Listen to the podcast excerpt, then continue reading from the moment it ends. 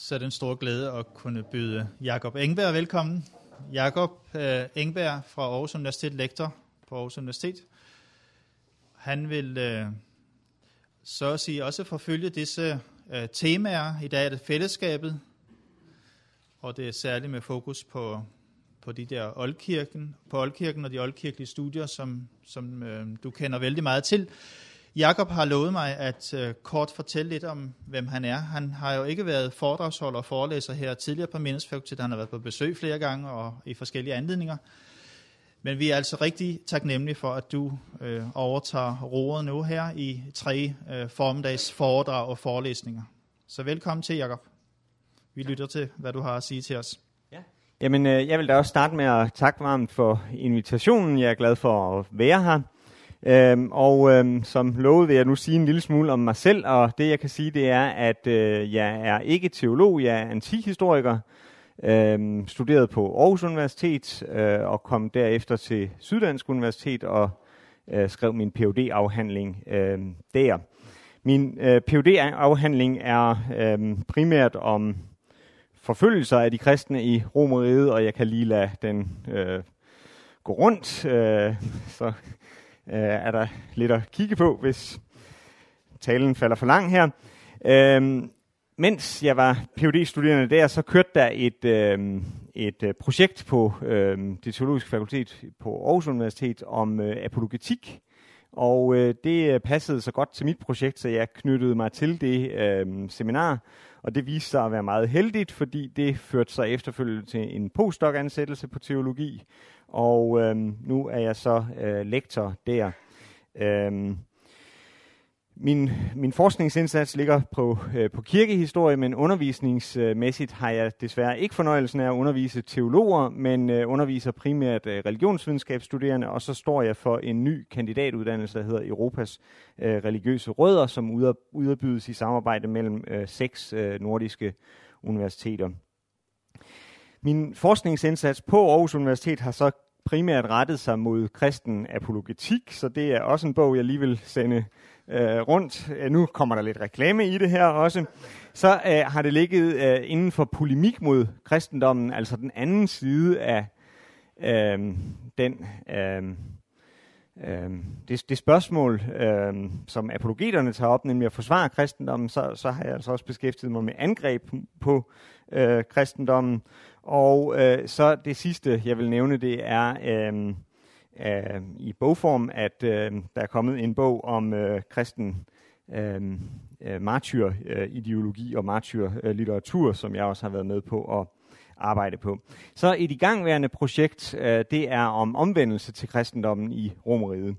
Og de her øh, ting, som jeg nu har nævnt, jeg forestillede mig, at øh, det var en del af årsagen til, at jeg blev inviteret til at komme og tale øh, i tre dage her om øh, øh, missional øh, kirke. Øh, nu skal jeg lige have den i gang med at vise den her. Sådan. Øh, missional kirke, øh, oldkirken som koinonia, diakonia og øh, kirygma. Øh, når det overordnede tema nu er missional øh, kirke, øh, så må det have en særlig relevans, og det er så også derfor, jeg tror, jeg er blevet inviteret, det var i hvert fald, hvad jeg gættede, og, og, og kunne lægge vægt på, hvordan blev øh, de her øh, forhold i oldkirken set af nye kristne, set af udefrakommende. Hvordan blev øh, oldkirken set som et, øh, på som et fællesskab? Hvordan blev den øh, set på i den øh, diakonale øh, aktivitet? Og øhm, øh, hvilke øh, idéer havde udenforstående også om den forkyndelse, de kristne øh, aflagde, det budskab, den profetrøst, de havde ind i, i, øh, i, øh, i samtiden. Så øh, forside illustrationen her til mit øh, oplæg, det bliver sådan lidt en øh, evangelist øh, skikkelse her fra kirken i øh, Milano, Øh, en mosaik, øh, hvor øh, evangelisten er på vej ud i verden med Guds ord. Koinonia, diakonia og kerygma, det bliver så øh, temaet for, for de tre øh, dage med koinonia først, diakonia øh, nummer to og kerygma øh, nummer tre. Jeg har valgt tre øh, billeder til at illustrere det her. Øh, først et øh, fælles måltid i en, en kirke fra et øh, maleri i katakomberne i, i øh, Rom. øh, hvor vi ser altså øh, nogle af menighedsmedlemmerne øh, bænket omkring et, et bord her. Så billede øh, nummer to, det er en øh, sarkofag fra Var i øh, Frankrig. Øh, og øh, ja, øh, den dateres meget tidligt, altså til tidligt øh, 200-tallet, øh, den her kristne sarkofag. Jeg er lidt mistænksom over for den datering, men jeg er ikke kunsthistoriker, så det er lidt vanskeligt for mig at argumentere imod den. Men øh, det vi ser øh, i det her lille udsnit fra sarkofagen, det er altså en mand, der står og øh, fisker, og så har vi et slags livets træ i midten, hvor nogle øh, får eller lam samles omkring. Vi har et, et anker, og så har vi øh, ude øh, til højre, der har vi en øh, kvindeskikkelse, der øh, beder. Øhm, og øhm, igen er jeg ikke kunsthistoriker, så jeg ved ikke, om den tolkning, jeg lægger ned over det her, øh, den her sarkofag er rigtig, men det, jeg i hvert fald bruger den til at illustrere her, det er, at når jeg i morgen kommer til at tale om diakonia, så vil jeg lægge en betydelig vægt der også på at øh, tale om, hvordan øh, kirken rakte ud. Øh, altså ikke kun, hvordan den udøvede diakoni over for sine egne medlemmer, men også, hvordan den udøvede diakoni øh, ud af, af kirken. Øh, og øh, tilsvarende vil jeg i øh, på fredag, når jeg skal tale om øh, kirygma, også lægge vægt på, på det, hvordan var forkyndelsen over for øh, mennesker, der endnu ikke var, var kristne.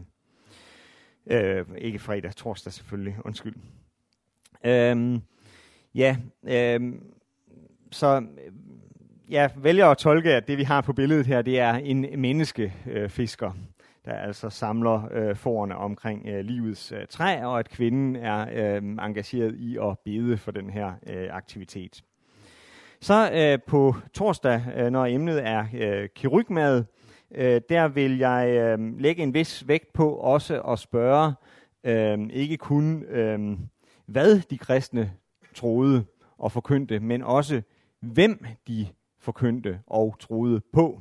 Og derfor har jeg valgt igen et øh, maleri fra katakomberne, hvor øh, vi ser øh, Jesus, øh, der helbreder øh, kvinden med øh, blødninger, øh, for at indikere altså, at øh, øh, Kristus øh, stod i centrum for den øh, forkyndelse, som øh, de første kristne øh, aflagde, og som jeg vil lægge vægte på øh, her. Ja, øh, så da jeg forberedte mig til, øh, til, til indlæggene her, så der forestillede jeg mig, at dem, der har lagt programmet, havde en vis pointe i den her rækkefølge også, at vi starter med kirken som fællesskab på den første dag, om onsdagen går videre med kirken som tjener, og øh, på torsdag slutter af med kirken som øh, profet. Er der en øh, vis pointe i det, både med henblik på oldkirken og med henblik på øh, i dag? Den øh, pointe ledte jeg efter, og øh, prøver at lægge en skabelon ned over mine tre foredrag her, der handler om, at øh, at øh, fællesskabet øh, bliver en øh, base for at, at, at række ud til den øh, verden, de kristne i Oldkirken var en del af. Det bliver øh, også der, hvor øh, så at sige øh, de nye skal samles ind. Øh, diakonien, øh, det er øh, øh, så en måde at, at, at, at række ud på, og måske kan det i virkelighedens verden, både i øh, Oldkirken og i dag, øh, være sådan, at øh, en effektiv måde at være missional kirke på, det er at øh, møde mennesker i forhold til de behov, øh, de har, øh, og derigennem bane en vej for øh, ordets forkyndelse også. Som sagt, en særlig vægt øh, kommer til at være i mine tre foredrag på øh, at, at finde eksempler på, hvad øh, udenforstående mente om øh, de her øh, forhold ved den tidlige kristne øh, bevægelse. Der øh, har jeg lige øh, på en enkelt øh, dias her samlet øh, de forfattere, vi har bevaret fra øh, andet århundrede, som har øh, omtalt de øh, tidlige kristne. Går vi videre til 3. og 4. århundrede, vil listen være meget længere, og så vil jeg ikke have plads til dem alle sammen på en øh, dias. Øh, men øh, her har vi altså nogle eksempler på øh, nogen, der ret tidligt har skrevet om de tidlige kristne. De forfatternavne her, der er i kursiv, det er forfattere, der har skrevet skrifter, der primært handlede om de kristne. De forfattere, hvis navne ikke er i kursiv, er så forfattere, der har øh, skrevet om de kristne, når de var i gang med at skrive om noget andet, så at sige. Vi har nogle embedsskrivelser. Vi har to kejsere, der har skrevet om de kristne, og en embedsmand. Øhm, så har vi øh, tre historikere fra andet århundrede, der har skrevet om de kristne. Tacitus, øh, Sveton og nok mindre kendt af de fleste, Flegon fra Trallas. Flegon han var en, en af kejser Hadrians øh, frigivende, og han skrev en, en verdenskronologi. Øh, den er stort set tabt, men vi ved, at han i 13. eller 14. bog, mere præcist har vi det ikke angivet, men der skrev han noget om en profeti, som Peter skulle have fremsat ifølge øh, Flegon. Øh, og øh, så er, kommenterer den kristne forfatter Origenes på det, at, at der har der har Flegon altså blandet sammen i tingene, for den her profeti var i virkeligheden ikke fremsat af Peter, men af Jesus selv. Øhm, man ved ikke, hvilken profeti der er tale om, men man kan jo spekulere i, at øh, Hadrian, eftersom han i Jerusalem øh, yderligere nivellerede tempelpladsen og anlagde et, et nyt tempel for Jupiter på, på, på tempelpladsen, så kunne øhm, øh, Hadrian og dermed også Hadrians frigivende have haft en særlig interesse i at sige noget om, øh, øh, om en profeti om templets ødelæggelse. Så øh, bliver de kristne øh, omtalt af en lang række øh, filosofer fra andet århundrede. Øh, Epiktet, øh, Cornelius Fronto, som samtidig var en meget højt placeret øh, embedsmand og øh, tutor for øh, kejser Marcus Aurelius. Så bliver de kristne omtalt af satirikeren og filosofen Lucian, og af lægen og filosofen Galen i en hel del værker og så er kejser Marcus Aurelius, og endelig så bliver der skrevet et meget langt og omfattende skrift mod de øh, kristne af den filosof, der hedder øh, Kelsos. Ja, øh, jeg har lige valgt at sætte en lille illustration på den her dias også, øh, hvor vi øh, ser en, øh, en, en øh, mands øh, skikkelse, der står og tilbyder en korsfæstet øh, skikkelse med et øh, æselhoved, og jeg er sikker på, at de fleste af jer har set den her graffiti øh, før. Det er en graffiti, der dateres til andet århundrede og stammer fra øh, kejserpaladset på Palatin i, øh, i Rom. Og øhm, der står øhm, skrevet på graffitien, at Alexamenos tilbyder sin øh, Gud. Øhm, så det er meget tænkeligt, at det her det er en satire over øh, de kristnes ivrige tilbedelse af øh, Jesus. Det kommer vi tilbage til på torsdag. Nu til øh, Oldkirken som øh, fællesskab. Øh, der har jeg øh, tre pointer, jeg gerne vil øh, have ud af foredraget i, i dag.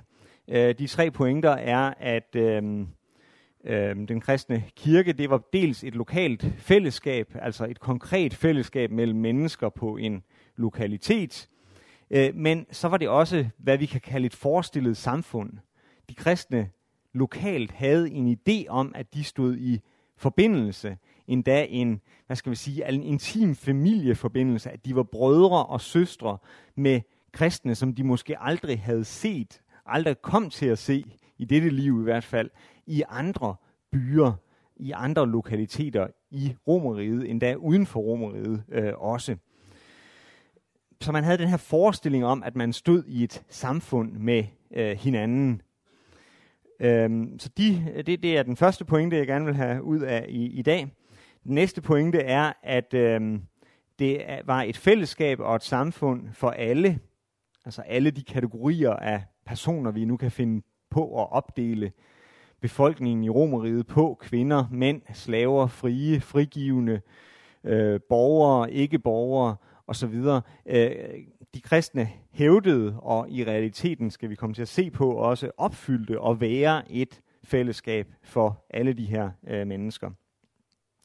Og så var det, og det er den tredje pointe, jeg gerne vil have ud af i dag, det er, at det var et fællesskab og et samfund, der var åbent for nye. Det var ikke et fællesskab, der lukkede sig som selv, som ikke inviterede andre ude indenfor. Tværtimod var der en, øh, stærk ideologi for, at man skulle tiltrække nye, og som vi skal komme til at se, så i et meget betydeligt omfang, så lykkedes de kristne også med det her.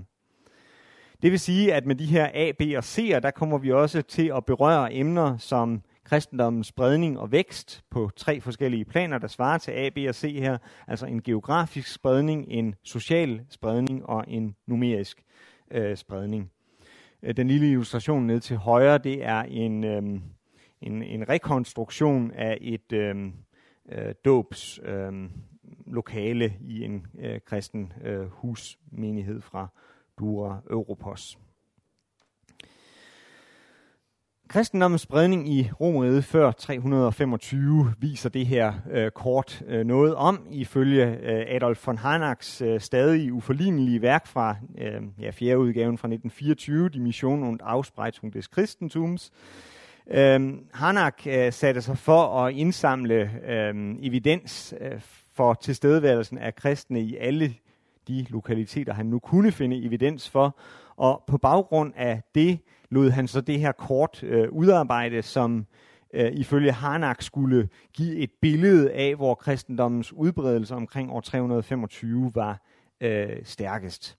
Der lægger vi mærke til, at øh, kristendommen står meget stærkt i Ægypten og Lille Asien, i Nordafrika og i det sydlige øh, Spanien, og så svagere, øh, når vi kommer længere øh, nordpå i øh, Europa og længere vestpå i Afrika. Øhm, med den slags øh, undersøgelsesmetoder kan man selvfølgelig ikke fastslå, at, at de områder, der så er hvide på det her kort, at der var slet ikke nogen øh, kristne, altså absence of evidence is no evidence of absence med et, et engelsk ord. Og øh, der er jo altså også øh, selvfølgelig kommet arkeologisk materiale frem siden, der måske kunne føje nogle enkelte lokaliteter til Hanaks øh, billede. Men, men sådan i det store hele øh, øh, er, er der en, en, en vis grund til at, at, at tro, at hans øh, billede ikke er, er helt øh, fortegnet øh, her. Øhm, der er en øhm, øh, engelsk forsker, der hedder Mollen, der har i 2004 udgivet en bog, hvor han egentlig forsøger lidt det samme som, øhm, som Harnack, øhm, og øh, den, den føjer altså ikke rigtig noget øh, væsentligt øh, nyt øh, til, så jeg har øh, med øh, ro i, i sinde reproduceret Harnacks øh, kort, øh, i stedet for at rode mig ud i problemer med copyright og reproducere Mollens øhm, øh, kort. Uh, Hanak mente, at uh, de steder, der er farvet meget mørkt på, på kortet her, der ville uh, kristendommen uh, allerede um, nærme sig måske 50 procent af, af befolkningen. Og så uh, de lyserøde, der er det så en signifikant minoritet, og så i de hvide områder er det så uh, områder uden evidens for, um, for kristne.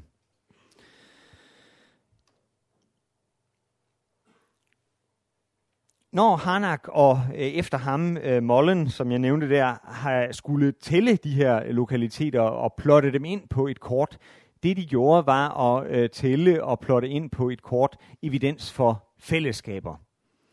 Hvem har sendt biskopper, andre gejstlige til kirkemøder? Hvor har vi breve stilet til? Hvor har vi breve skrevet fra? Hvor har vi på anden måde evidens for tilstedeværelsen af øh, kristne? Man kan måske øh, kritisere øh, Mollen og øh, Hanak for ikke at have taget helt nok hensyn til arkeologi. Øh, der er i hvert fald øh, nogle ting, der er kommet frem før Mollens bog, også som ikke er kommet med i hans bog, men, men øh, så der var altså et, et lag mere, der kunne blive lagt til der, øh, men igen, øh, det ændrer ikke fundamentalt på det, på det overordnede øh, billede. De tæller øh, fællesskaber, Øhm, og øhm, det er altså så tilstedeværelsen af lokale øh, kirker. Det fænomen, at øhm, kirke både kan betyde et lokalt fællesskab og Guds folk i hele verden, det er et, øhm, et fænomen, vi allerede kan øh, observere i, i Nytestamente, i øh, paulinske breve, Øhm, og øhm, det er en øhm, ideologi og en tankegang, der med iver videreføres af kristne i 2., 3., øh, 4. århundrede, og ja, naturligvis op til i dag. Øh, Tertullian i sin apologi øh, til øh, de romerske stadholdere kan øh, skrive og hævde, at vi har spredt os til hele verden. Vi findes i Britannien, vi findes blandt germanerne, vi findes i Afrika, vi findes endda øh, uden for øh, Romeriet mod øst, øh, og vi er udspredt i alle byer, i militærlejre, øh, ud på landet og, og så videre, så videre. Der er et vist øh, element af øh, retorisk øh, overdrivelse i Tertullian, og han har selvfølgelig en interesse i at overbevise stadholderne om, at vi kristne er meget øh, udbredte, fordi hans argumentationsrække er, at det så vil øh, ligesom være øh, meget stærkt ødelæggende for hele samfundsordenen, hvis, hvis øh, stadholderne med for stor iver forfulgte øh, de kristne. Det vil føre til alt for mange forstyrrelser. Øh, men den her idé, den her forestilling om at have en, øh, en kirke, der er spredt på hele jorden, øh, den findes, og, finder sig også nogle praktiske øh, udtryk. Den finder sig udtryk i, øh, at der skrives breve fra den ene menighed øh, til den anden. De har altså en interesse i praktisk at stå i forbindelse med hinanden, udveksle synspunkter, øh, korrigere øh, øh så osv. Det finder vi selvfølgelig i det nye testamente. Vi finder det i øh, Clemens første brev. Altså øh, forudsætningen for den brev, det brev er, at det vedkommer kirken i Rom, at der er indre stridigheder i kirken i Korinth. Det tager vi måske som en selvfølge, men det er jo ikke nogen selvfølge, at det skulle være vedkommende for en kirke på et sted, at der var problemer i øh, en anden. Vi finder det i øh, det øh, korpus af, af breve, der øh, tilskrives øh, Ignatius, altså at han øh, også øh, på øh, rejse til Rom for at blive henrettet for sin tro, finder det relevant at skrive til en række menigheder, og endda også i de menigheder, og nu kommer vi til anden øh, bullet, øh, forudsætter, at det må være en interesse, at et brev, han skriver til en menighed, bliver kopieret. Det skriver han i sit brev til Polycarp, at Polycarp kan gøre noget for at få kopieret det brev, de breve, han har skrevet til en menighed, og udspredt til, til andre. Så selvom brevene, både i Nye Testamente og Ignatius' breve, kan være skrevet ind i en bestemt kontekst, er der altså allerede meget tidligt her en idé om, at de kan have en relevans for andre menigheder øh, også. Her har vi tanken om øh, sammenhængen mellem de forskellige øh, kirker. Det finder vi også i øh, det paulinske tekstkorpus, den her idé om, at det kan være nytte at få læst et brev, der er skrevet til en menighed, op i en anden. Vi kan gå videre og sige, at når de kristne øh, skal have nye så at sige, skriftgenre på banen, eller subgenre, hvilken, hvilken, øh, hvilken form for skrift griber man så til som det naturlige? Jo, man griber til brevgenren. Den første martyrlitteratur, vi får, det er øh, Polycarps øh, martyrium. Øh, den er skrevet ind i en brevform. Den er skrevet som øh, et brev fra en menighed i Smyrna til andre, brev, øh, andre menigheder i øh, Lilleasien. Igen med den forudsætning, at det må være interesse for de her andre menigheder i Lilleasien at høre om, hvad der er sket med vores biskop Polycarp, hvordan han sammen med nogle andre er blevet øh, slået ihjel.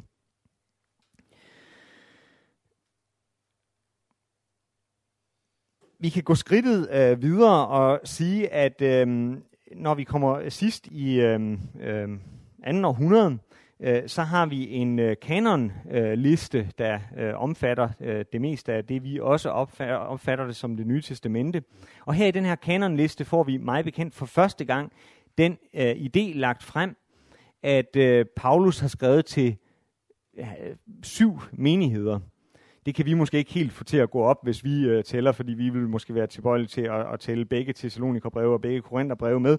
Men altså, øh, forfatteren af den her anonyme kanonliste, han får det til at gå op ved at sige, at jamen, han har skrevet til Korintherne, så der er godt nok to breve, siger han, og så har han skrevet til Thessalonikerne, og der er også to breve, men altså på den måde får han det til at gå op til, at han har skrevet til syv menigheder, og derudover har han så også skrevet til nogle enkelte personer, så nævner øh, forfatteren de her øh, enkelte personer. Øhm, og så spindes den ind over, at de her syv breve, det er også øh, noget, vi øh, kender fra apokalypsen, og dermed kan vi se, at der er en øh, tanke, en, et guddommeligt forsyns tanke om, at de her syv øh, breve, det er fordi, de ikke kun er skrevet til de lokale menigheder, men de er af interesse for hele kristenheden, kirken i hele øh, verden. Lidt tilbage fra ideologien og til noget meget øh, praktisk og et meget praktisk, øh, pragmatisk udtryk for øh, betydningen af øh, den her øh, idé om et, et, et, et fællesskab, øh, så øh, opstår der i øh, 260'erne og 70'erne en øh, uforsonlig strid i menigheden i Antiochia. Der er to forskellige personer, der gerne vil være biskopper, og begge forsøger at sætte sig på kirkens ejendom det er noget, vi kommer tilbage til. Øh, kirkens ejendomsforhold, øh, det hører med i dag. Øh, men i den her forbindelse er det interessant, at nogle kristne lokalt i Antiochia finder en løsning på det her problem. Vi tager og skriver til kejseren i Rom, Aurelian, og spørger ham, hvem i Antiochia skal have ejendommen over øh, kirkens besiddelse. Vi har den her strid om, hvem der skal være biskop. Nu må du træffe en afgørelse i den her sag. Aurelian, og her har vi det udefra kommende perspektiv, han er åbenbart så velinformeret om de kristne, så han er klar over, at de har også den her idé om, at de hører sammen. De hører sammen i hele mit rige. Så han øh, skriver tilbage, at øh, de kristne i Antiochia skal overlade huset til dem, som biskopperne i Italien og Rom står i brevveksling med. Beslutningen er altså simpelthen, at dem, som anerkendes af andre dele af øh, det kristne samfund, det er dem, der lokalt tegner det autentiske kristne fællesskab i øhm, Antiochia. Euseb, der øhm, videregiver de her informationer til os, han, han øh, kommenterer, at det er en sårvis øh, beslutning, der, der træffes her. Aurelian øh, kom ellers øh, senere til øh, også at være øh, kristenforfølger, men det er en anden øh, historie. Lukian, en øh, som sagt satiriker og filosof fra andet århundrede, han var også klar over øh, den her forbindelse, de kristne stod i med hinanden. I et værk, der handler om en religiøs svindler, der hedder Peregrinos, som på et tidspunkt i sin religiøse svindlerkarriere også øh, tilsluttede sig den kristne bevægelse og blev et stort øh, navn der en overgang, indtil han kom til at forbryde sig no- med, no- med nogle spiseregler og blev øh, smidt ud. Øh, han er, øh, mens han stadig er kristen, blevet sat i fængsel, og øh, så skriver øh, Lukian sådan her. Men da han nu var blevet fængslet, satte de kristne, som tog sig det meget nær, et hvert jul i bevægelse for at få ham fri. Og da det ikke lod sig gøre, blev der i det mindste sørget for ham på alle andre måder. Straks om morgenen kunne man se gamle inker og forældreløse vente ved fængslets døre, mens deres samfunds embedsmænd endnu tilbragte natten derinde sammen med ham. De havde bestukket fangevogterne. Derefter blev de bragt mangfoldige slags spiser ind, og deres hellige savn blev foredragende. Ja, selv fra adskillige byer i provinsen Asien kom der folk, som de kristne sendte hid på deres menigheds vegne for at hjælpe manden, understøtte ham ved forsvaret for retten og trøste ham. Det er en utrolig raskhed og iver, de udfolder, når noget sådan, der berører hele deres samfund, indtræffer. Lukian, han er altså ikke helt dårligt informeret. Han ved, at øh, de kristne har et nært og intimt øh, fællesskab øh, lokalt. Det er et fællesskab, der omfatter, at der er nogle inker og forældreløse, der sikkert under, modtager en eller anden form for understøttelse. Det er et fællesskab, der inkluderer, at øh, man øh, har embedsmænd, og det er et fællesskab, der øh, øh, inkluderer, at man gør nogle religiøse ting øh, sammen, nogle måltider, man, man øh, har noget øhm, øh, prædiken eller øh, tekstudlægning, øh, øh, og det er noget af det, vi skal komme tilbage til på torsdag, hvad der så var indholdet i det. Øh, og øh, så øh, har man øh, altså også en iver lokalt for at tage sig af de personer i fællesskabet, der måtte være udsat for et eller andet form for tryk, navnligt hvis det var et, et tryk fra øh, udenforstående og en, en forfølgelse, som i tilfældet her. Men derudover er han også klar over, at øh, de kristne står i forbindelse med hinanden, og altså menigheder fra øh, fjern og, og, og nær kan øh, sende øh, udsendinge, øh, der kan være øh, til øh, symbolsk og øh, praktisk hjælp i den her slags øh, situationer.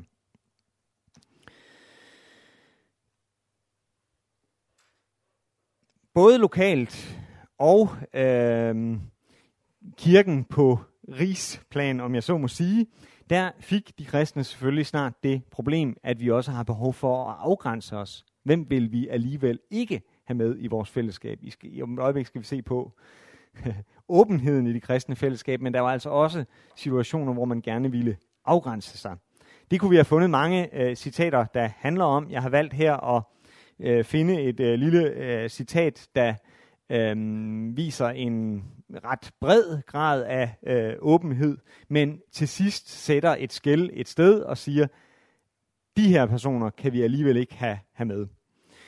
Vi skal ikke læse hele citatet op, men det er Origenes, øh, der i sin Contra Celsum, altså i et modsvar mod den her hedenske kritiker af kristendommen, som havde skrevet et skrift mod de kristne, i det her øh, skrift, der øh, forsvarer Origenes sig så mod, mod de anklager, der er fremsat.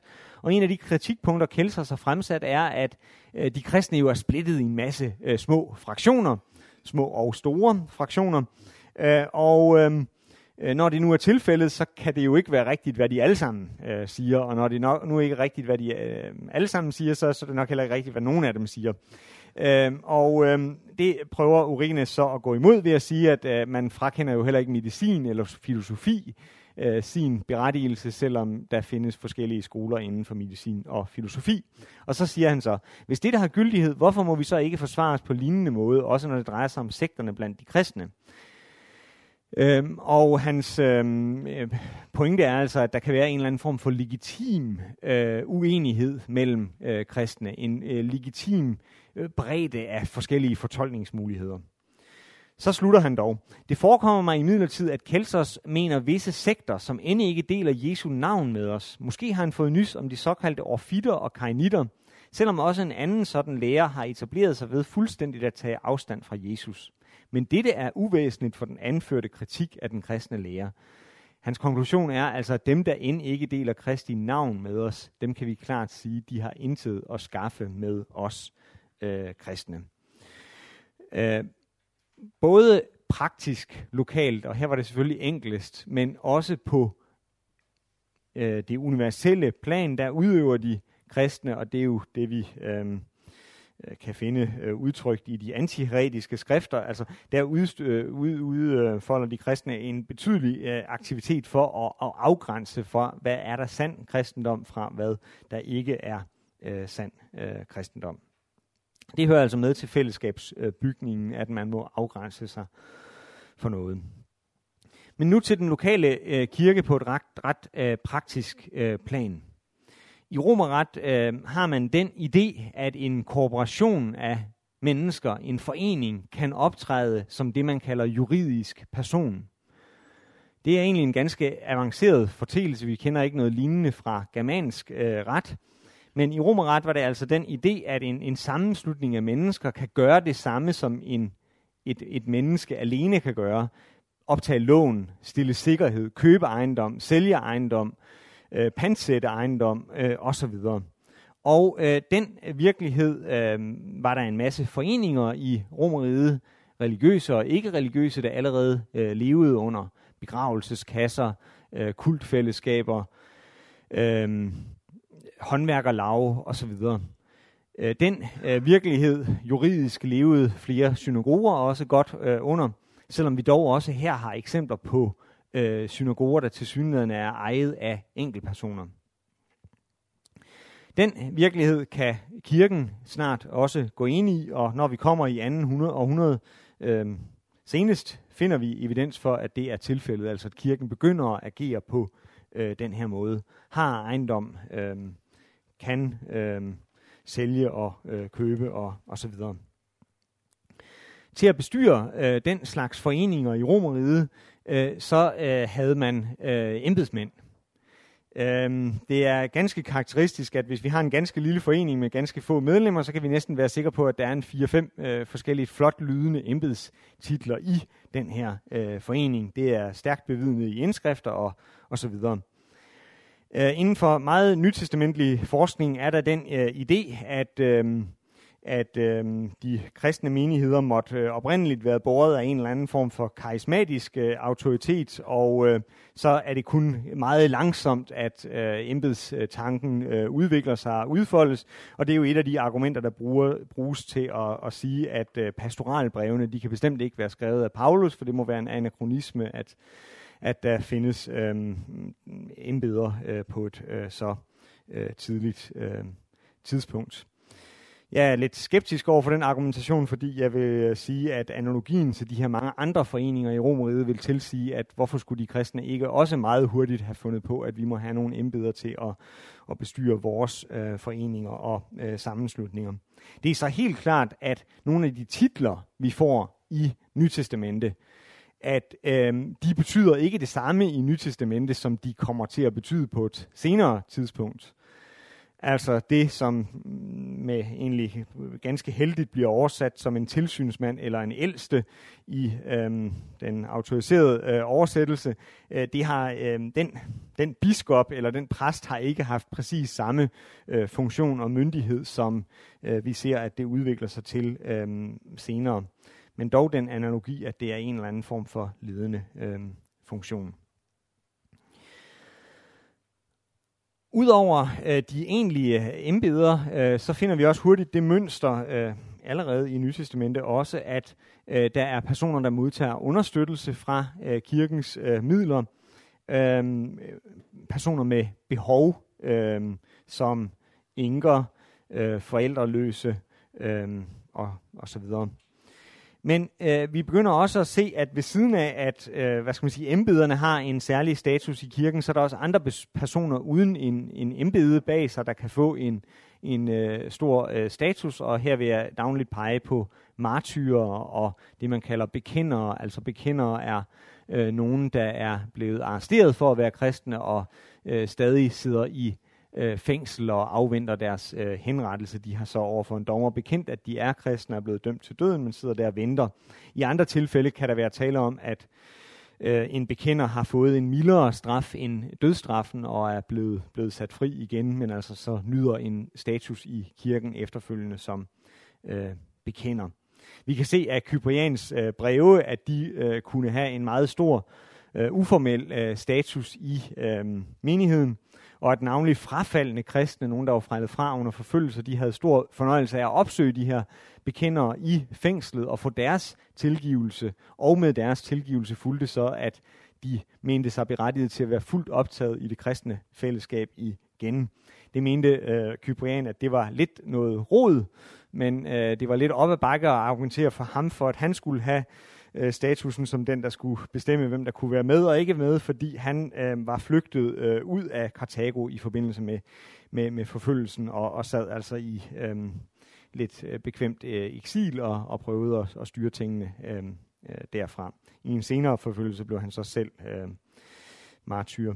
Billedet her, øh, det er ikke en kristen martyr nødvendigvis, der bliver øh, et af, af løven her. Altså, mænd blev bundet til pælen, fordi man var bange for, at de kæmpede for meget imod de vilde øh, dyr, hvis, øh, hvis, hvis de kunne få lov at løbe, løbe fri. Kvinder fik øh, ofte lov at, at, at løbe, løbe fri. Øh.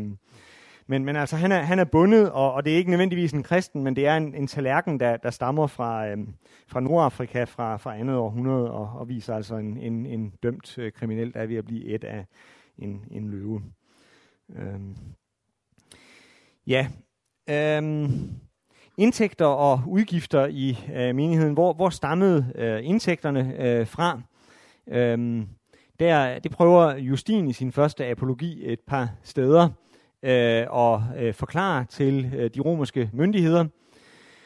Øh, han skriver sådan her, vi som nu bringer det, som vi har til fællesskabet og deler det med enhver, der er trængende, vi der ikke tilhørte det samme folk, som, men som nu efter Kristi tilsynekomst er kommet til at leve øh, sammen. Altså vi har både her ideen om fællesskabet, og så den her ansvarsfølelse, at øh, vi bidrager altså økonomisk til det her fællesskab, og det bliver så delt ud til dem, der trænger.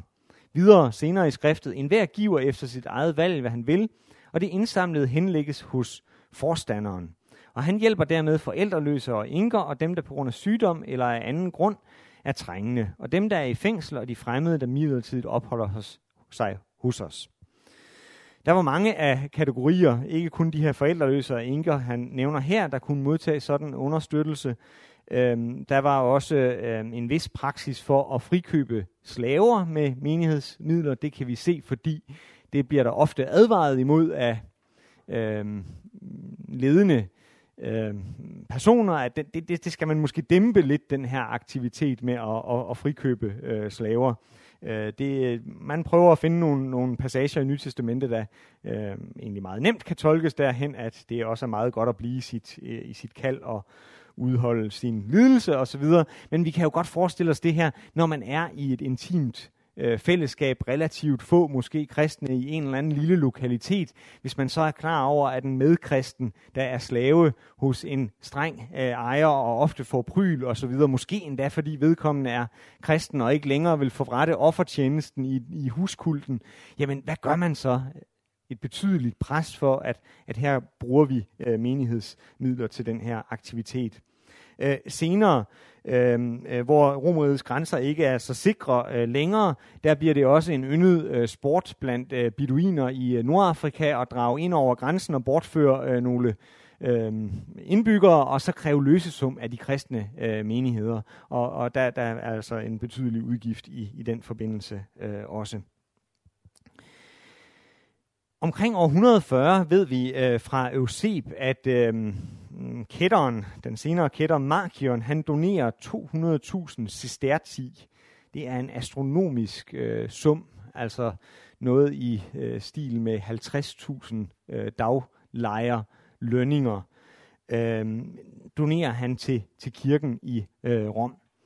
Det er egentlig ikke så bemærkelsesværdigt i sig selv. Markion han var søn af en skibsredder, om man så må sige, og øh, der var en enorm forskel på rig og fattig i Romeriet. Og øh, for rige mennesker kunne den her slags beløb være et øh, greb i togafolden. Øh, men det, der er meget bemærkelsesværdigt, det er, at den romerske menighed, da de ikke mere kan forlise med Markion, da Markion træder ud af menigheden, så er den romerske menighed i stand til, danner sit eget samfund, så er den romerske menighed i stand til at betale ham det her beløb tilbage. Øhm, jeg ved ikke, om de bare har haft dem liggende i øhm, en øh, øh, kiste. Det, det tvivler jeg egentlig på. Det, men det viser måske mere det øh, flow af øh, penge ind i menigheden, der allerede er på, på det her tidspunkt. Rom er naturligvis et atypisk øh, sted. Igen kan vi forestille os mange øh, små øh, lokaliteter, hvor øh, den slags øh, beløb aldrig kom på tale. Det bringer os frem øh, til det næste billede her, som er et, et vægmaleri fra Pompeji af et øh, by, øh, en byscene. Altså vi ser her øh, byen øh, fra, fra havne, havnefronten. Og øh, den skal minde os om, at øh, meget af det, jeg har sagt, og hvad jeg i de kommende øh, dage kommer til at sige, øh, der har vi bedst belæg for at sige noget om, hvad der foregår i byerne. Sådan er det generelt med romersk historie, og sådan forholder det sig også, når vi øh, taler om de øh, kristne øh, kirker. Der er også noget, der tyder på, at kristendommen mm, ja, øh, i andet århundrede primært blev øh, et byfænomen, altså at kristendommen simpelthen stod øh, stærkere øh, der. Men igen kan det synspunkt måske godt overdrives af det faktum, at jamen, vi har simpelthen manglende evidens generelt set for, hvad der foregår på øh, landet i Romeriet. Vi er meget bedre velinformeret om, hvad der foregår i, øh, i byerne.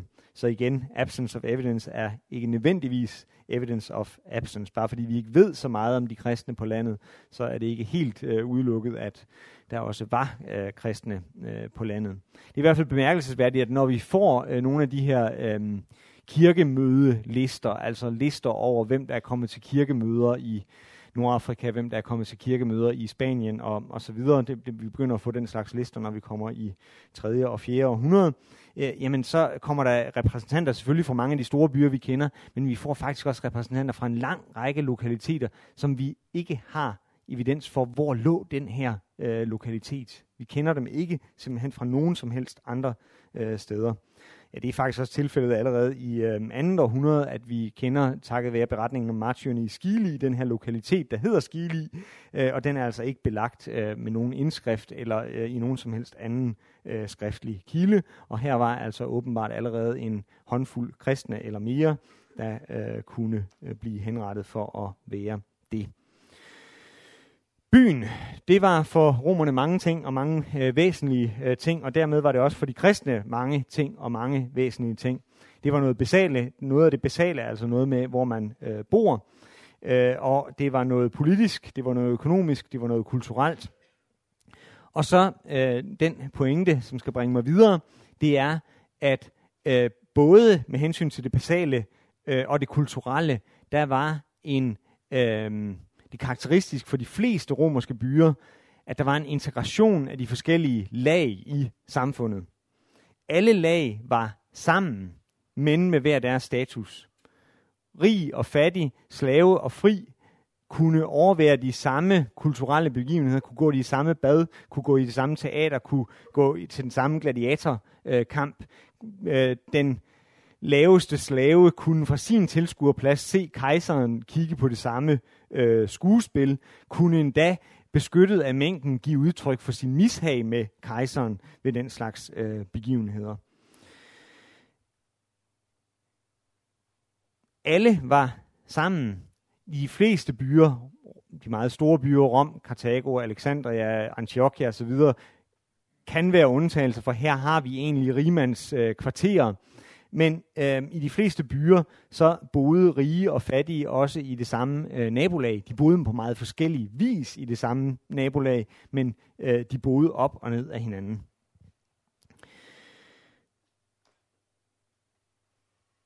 Det har en indflydelse på øh, næste øh, pointe, nemlig den sociale spredning af øh, kristendommen.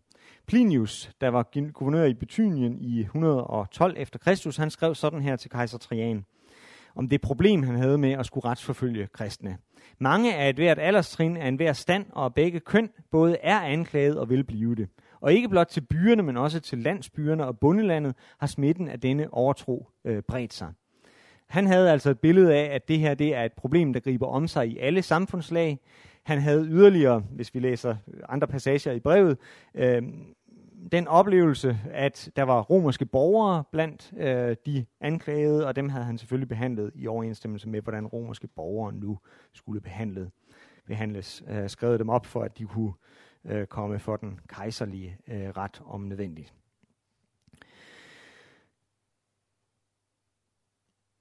Det her det er et lokalt øh, brev. Øh, det udspiller sig altså i Betynien i det nordlige Lilleasien. Men øh, hvornår har vi evidens for, at kristendommen også når til den absolute elite, altså ikke kun den lokale elite, men også til øh, eliten som sådan i øh, Romeriet?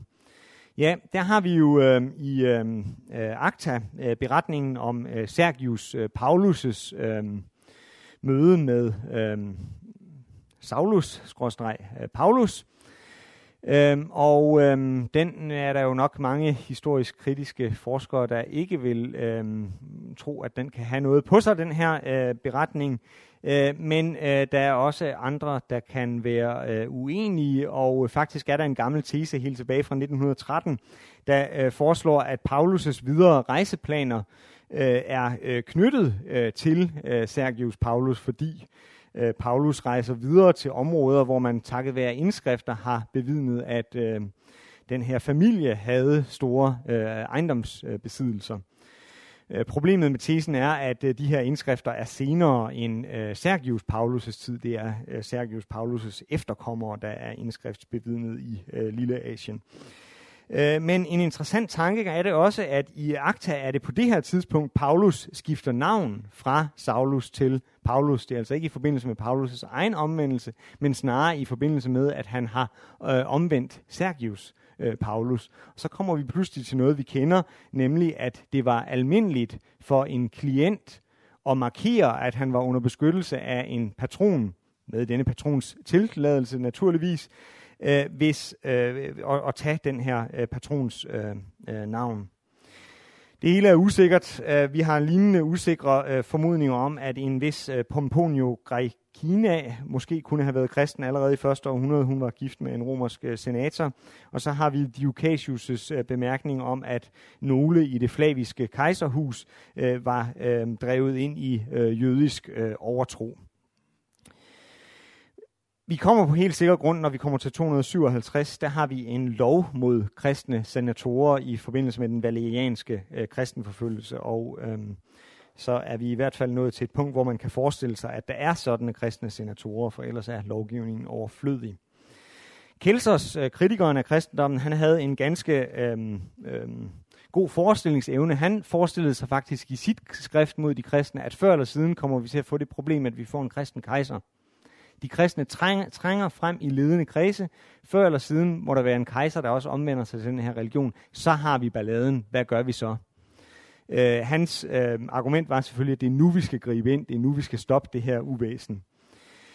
Øh, generelt, kritikerne mod kristendommen er modstridende i deres udsagn. De prøver at tegne et billede af, at de kristne kun er for de øh, lavere stående, men det, at de overhovedet finder det nødvendigt at skrive mod kristendommen, sender et det modsatte billede, nemlig at de er nervøse for, at kristendommen vinder gehør blandt deres egne læsere. hvordan forholdt de kristne sig til den her ulighed i deres egne menigheder, i deres egen midte? Øhm, der var en ideologi, der sagde, at alle er øh, lige. Den ideologi kunne i sig selv måske være appellerende. Altså det her, her er ingen forskel på jøde eller græker, træl eller fri mand eller kvinde, for I er alle en i Kristus Jesus. Det skal ses op imod.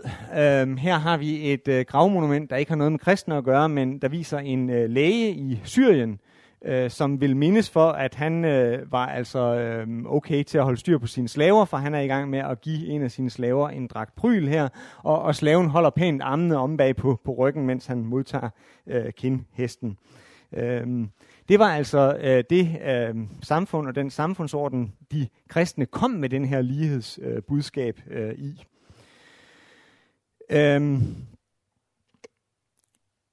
I virkeligheden kan vi jo se af, at den her ideologi hele tiden må gentages. Og Paulus allerede må instruere i, at I kan ikke gøre forskel på, når der kommer en rig og en fattig ind i jeres forsamling.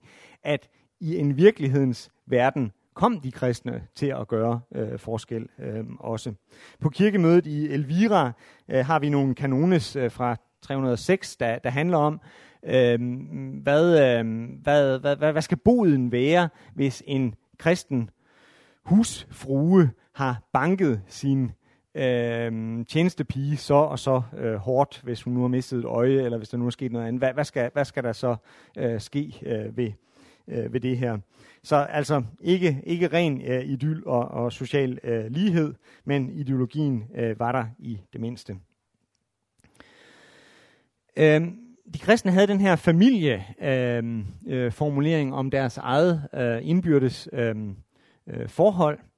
Øh, og øh, der vil jeg bare lige tage den ene pointe med, at øh, familien for romerne både var det, vi ser på den øverste, øh, det øverste relief her, en, en, en familiescene, hvor øh, øh altså der er øh, barne, barnepleje, et barn kommer i, i, i bad her, og en, en husfrue bliver øh, friseret, altså der bliver taget sig af, af, af ens øh, omsorgsmæssige øh, behov, men en familie var for mange almindelige mennesker i Romeriet også et arbejdsfællesskab. Øh, øh, så når vi har familiemetaforer om de tidlige kristne menigheder, så må vi forestille os øh, begge dele her. Det er både noget, hvor der tager, bliver taget sig af menneskers behov, men det er også øh, en, en, en situation, hvor man er øh, indstillet på, at der skal øh, gøres et øh, stykke arbejde og det er så det, vi kommer til i øh, morgen. Ja, øh, sidste øh, pointe handler om øh, øh, kristendommens numeriske øh, udbredelse, og den pointe, jeg vil prøve at lave, det er, at øh, kristendommen og de kristne fællesskaber i den periode, vi øh, taler om, hvis vi taler fra første århundrede og til og med midten af 4. århundrede, så vil øhm, vi have været i en situation, hvor i enhver generation var et flertal i de fleste menigheder konvertitter. De var altså nogen, der var trådt over til kristendommen og var kommet fra noget andet. De fleste fra at have øh, dyrket en række hedenske øh, guder. Kan vi nu øh, sige det med nogen øh, sikkerhed? Øh, det, øh, vil jeg lige spænde ind over. Det tror jeg, vi, vi faktisk øh, kan. Jeg har gengivet her øh, i øh, øh venstre øh, side en egentlig på nogle måder fuldstændig redselsfuld øh, slags øh, talmagi. En amerikansk øh, religionssociolog, der hedder Rodney Stark, har i en bog, der hedder Rise of Christianity, postuleret, at hvad nu, hvis vi siger, at der er 1000 kristne i år 40? Så øh, forestiller vi os, at øh, vi skal nå til en situation, hvor øh, midten af 4. århundrede, det, sådan, det anslår de fleste forskere, øh, så begynder vi at tale om, at der er et flertal af befolkningen i Romeriet, der er kristne.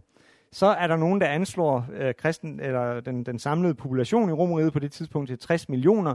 Hvordan når vi fra 1000 til øh, et eller andet sted over 30 øh, øh, millioner? Øh, med en jævn vækstrate? Jo, det gør vi, hvis vi har en 40% vækstrate per øh, 10 år. Så øh, prøver han at plotte det ind i et schema, og så øh, holder han det op mod alle mulige andre forskers skøn over kristenhedens vækst, og så kan han så se, hurra, det øh, passer på en eller anden måde. Min kurve kommer til at ligge imellem alle de her forskellige skud, uanset om vi taler om perioden 250 eller 300, eller vi når helt op til, til 350. Det er selvfølgelig helt uforsvarligt, øh, sådan noget øh, her, øhm, og øhm, I må aldrig øh, citere mig for, at, at øh, i år 250 var der 1.100.000 øh, øh, kristne. Men jeg har så prøvet at lave nogle alternative number games, og øh, vi kan godt få det til at fungere med en 30% vækstrate per 10 år, hvis vi sådan laver et væsentligt højere antal, men ikke sådan på nogen måde astronomisk antal af kristne i år 40, altså der kunne lige så vel være øh, 10.000 der, jamen så kan vi faktisk også nå at holde os inden for alle de her forskellige skud, der er kommet af andre øh, forskere på, hvor mange kristne der er til et givet øh, tidspunkt. Men der, hvor det ikke virker, det er, hvis vi enten går til 20% eller 50%. Så kan vi aldrig få det til at fungere. Så det vil sige en eller anden form for vækstrate et sted mellem 30 og 40 procent. Nu behøver vi jo ikke at antage, at det altid er gået lige jævnt, men altså i gennemsnit. Øh, og det er altså så signifikant på den måde, at hvis vi så øh, øh, holder en generation til at vare en 30 år, så vil det sige, at i enhver generation vil et øh, flertal øh, have øh, været øh, konvertitter. Det passer faktisk også meget godt med det billede, vi har. Hvis vi går igennem de kristne personligheder, vi kender noget til fra vores skriftlige kilder, så vil man kunne øh, se, at et overraskende stort antal af dem øh, faktisk har skrevet noget om, at de på et tidspunkt ikke var kristne selv. Hvordan den her udbredelse? Ja, øh, vi forestiller os jo ofte måske noget i den her stil med Raphaels øh, øh, maleri af, af Paulus, øh, der står og prædiker på Areopagos højen, og så er der nogen, der tager imod, og, og nogen øh, bliver forvirret, og nogen er meget øh, skeptiske øh, over for øh, det her. Øh, vi hører jo også i Apostlenes Gerninger om øh, masse øh, omvendelse. Øh, men man skal faktisk ikke læse ret meget i Apostlenes Gerninger, før man også møder en anden historie, nemlig den, vi får i samme kapitel som Peters prædiken på Pinsedag, nemlig i vers 47, Herren føjede hver dag nogle til, som blev frelst. Og min påstand vil være, at hvis vi skal forklare sådan en vækst her kontinuerligt over 300 øh, år, så bliver vers øh, 47 mere væsentligt end vers 14 til 41 i Apostlenes Gerninger. Det er øh, sjovt nok det billede, vi får af kristen mission, også hvis vi vender os øh, til udenforstående af de kristne. E, igen skal vi ikke læse det her øh, passage op, men det vi får her er en øh, beretning om, at øh, de kristne driver missionen ved, at det er håndværkere, vaskekoner og øh, børn, der taler til deres arbejdskollegaer og øh, øh, andre øh, børn, og så får de øh, overtalt øh, dem. Igen skal vi lige huske at læse Kelsers mod hårene her også og sige, at han ville ikke bekymre sig om den kristne bevægelse, hvis det kun var sådan en bevægelse. Det der er hans problem, og derfor han skriver sit værk, det er faktisk også, at de kristne trænger frem andre steder, og at der er den her integration i det kristne fællesskab, hvor man mødes netop på tværs af øh, de her sociale øh, skæld måltidsfællesskabet mellem kvinder og mænd og mellem slaver og frie var en stor øh, forarvelig øh, ting. Altså i klassisk republikansk romerret øh, blev man automatisk frigivet, hvis man delte et måltid omkring et bord med sin herre. Den, den øh, skik var gået ud af, af brug, det havde ikke længere rets, retsgyldighed, men socialt forarveligt var det stadig det her med at se slaver og frie spise ved samme øh, bord. Det opmuntrende er, at der er overensstemmelse mellem kritikerne af kristendommen og det øh, billede, vi finder i kristne tekster, nemlig at her har vi også at gøre med netværksmission, altså helt almindelige øh, kristne, der taler med deres naboer, øh, deres familiemedlemmer om øh, kristendommen og søger at overtale øh, dem. Ganske ofte faktisk ved at fortælle om deres egen omvendelse også. Allersidste, så har jeg lige lavet sådan en lille navneliste her med bare nogle få eksempler på øh, historier, vi har overleveret om venner, der følger hinanden i omvendelse. Altså hvor en person omvender sig først, og vedkommende har så en ven, der efterfølgende øh, omvender sig. Det er et øh, ret øh, gentagende øh, mønster, og giver et billede af, hvordan øh, det kristne fællesskab øh, voksede. Så Oldkirken som fællesskab, tre pointer, lokalt fællesskab og forestillet samfund, et fællesskab og et samfund for alle, kvinder, mænd, slaver, frie osv. Et fællesskab og et samfund, der var åbent for og havde en stadig influx af øh, nye. I morgen og overmorgen vender vi så tilbage øh, lidt mere til, hvad var det så, det fællesskab gjorde for sin øh, samtid, og øh, hvad var det for et øh, indholdsmæssigt øh, budskab, der blev forkyndt af det her fællesskab. Jeg beklager, det blev øh, lidt øh, længere end beregnet, men øh,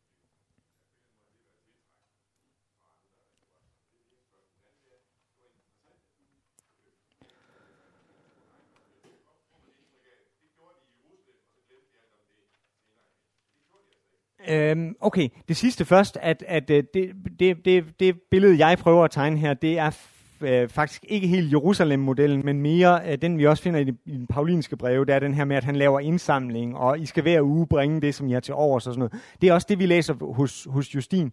Øh, I Apostlenes Gerninger er det øh, tydeligt, at Lukas ser tilbage på øh, et eller andet, som var der i Jerusalem, med at man virkelig solgte øh, alt og og, og, og havde alt øh, fælles og, og, og sådan noget. Og altså undskyld, man kan måske næsten ikke komme til at, at lade være med at spekulere på, hvorfor er det, det er så nødvendigt for Paulus at lave de her indsamlinger til Jerusalem? Er det fordi, det faktisk måske på lang sigt ikke var den aller, allerbedste strategi, strategi øh, det her?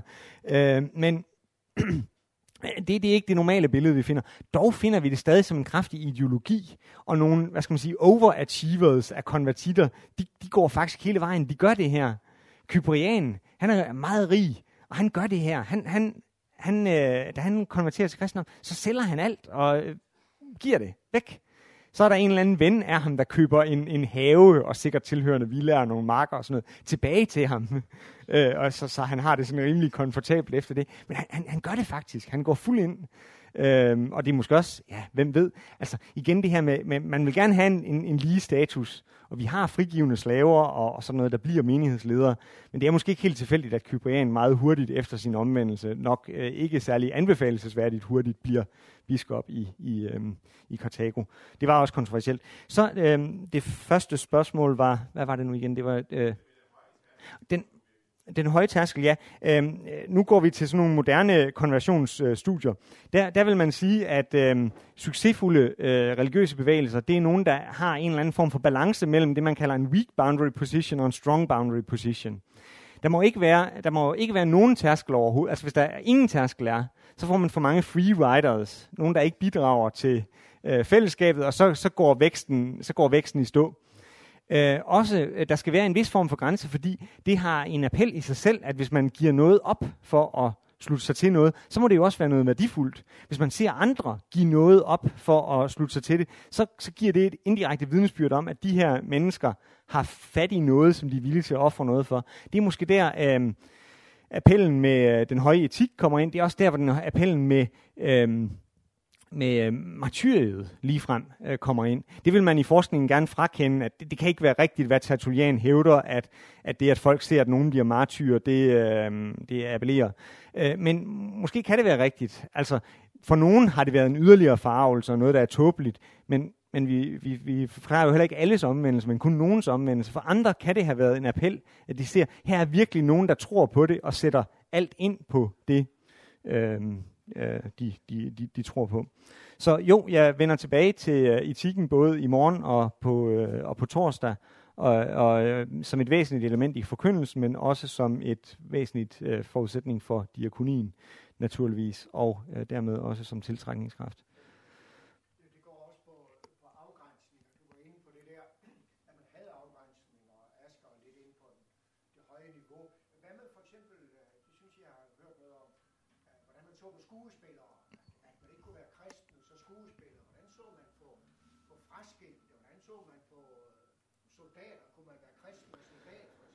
Ja, der er en hel del lister af det der med, øh, med tilladte og ikke tilladte øh, erhverv, og, øhm, og øhm, øh, øh, skuespillere, øh, øh, offerpræster øh, naturligvis, øh, Øhm, øh, soldat er problematisk. I nogle sammenhænge bliver det i orden at være soldat, og du skal bare lade være med at plyndre og modtage bestikkelse, og når lader dig nøje med din løn osv. Men i andre tilfælde, nej, så er, det, så er det altså helt forbudt. Det skal du helt holde dig fra som, som, øhm, øh, som, som kristen. Øhm, så er der nogle, øh, nogle erhverv, som ikke er så heldige, men som godt kan gå an, altså for eksempel med at undervise, og problemet med at undervise vil nok være, at, at pensum i de fleste tilfælde vil være, vil være nogle tekster, der er fyldt med øh, hedenske øh, guder og, og, og så videre i. Øh. Senere bliver det lidt mere uproblematisk, det der med at være lærer, men, men øh, i anden århundrede er det øh, problematisk.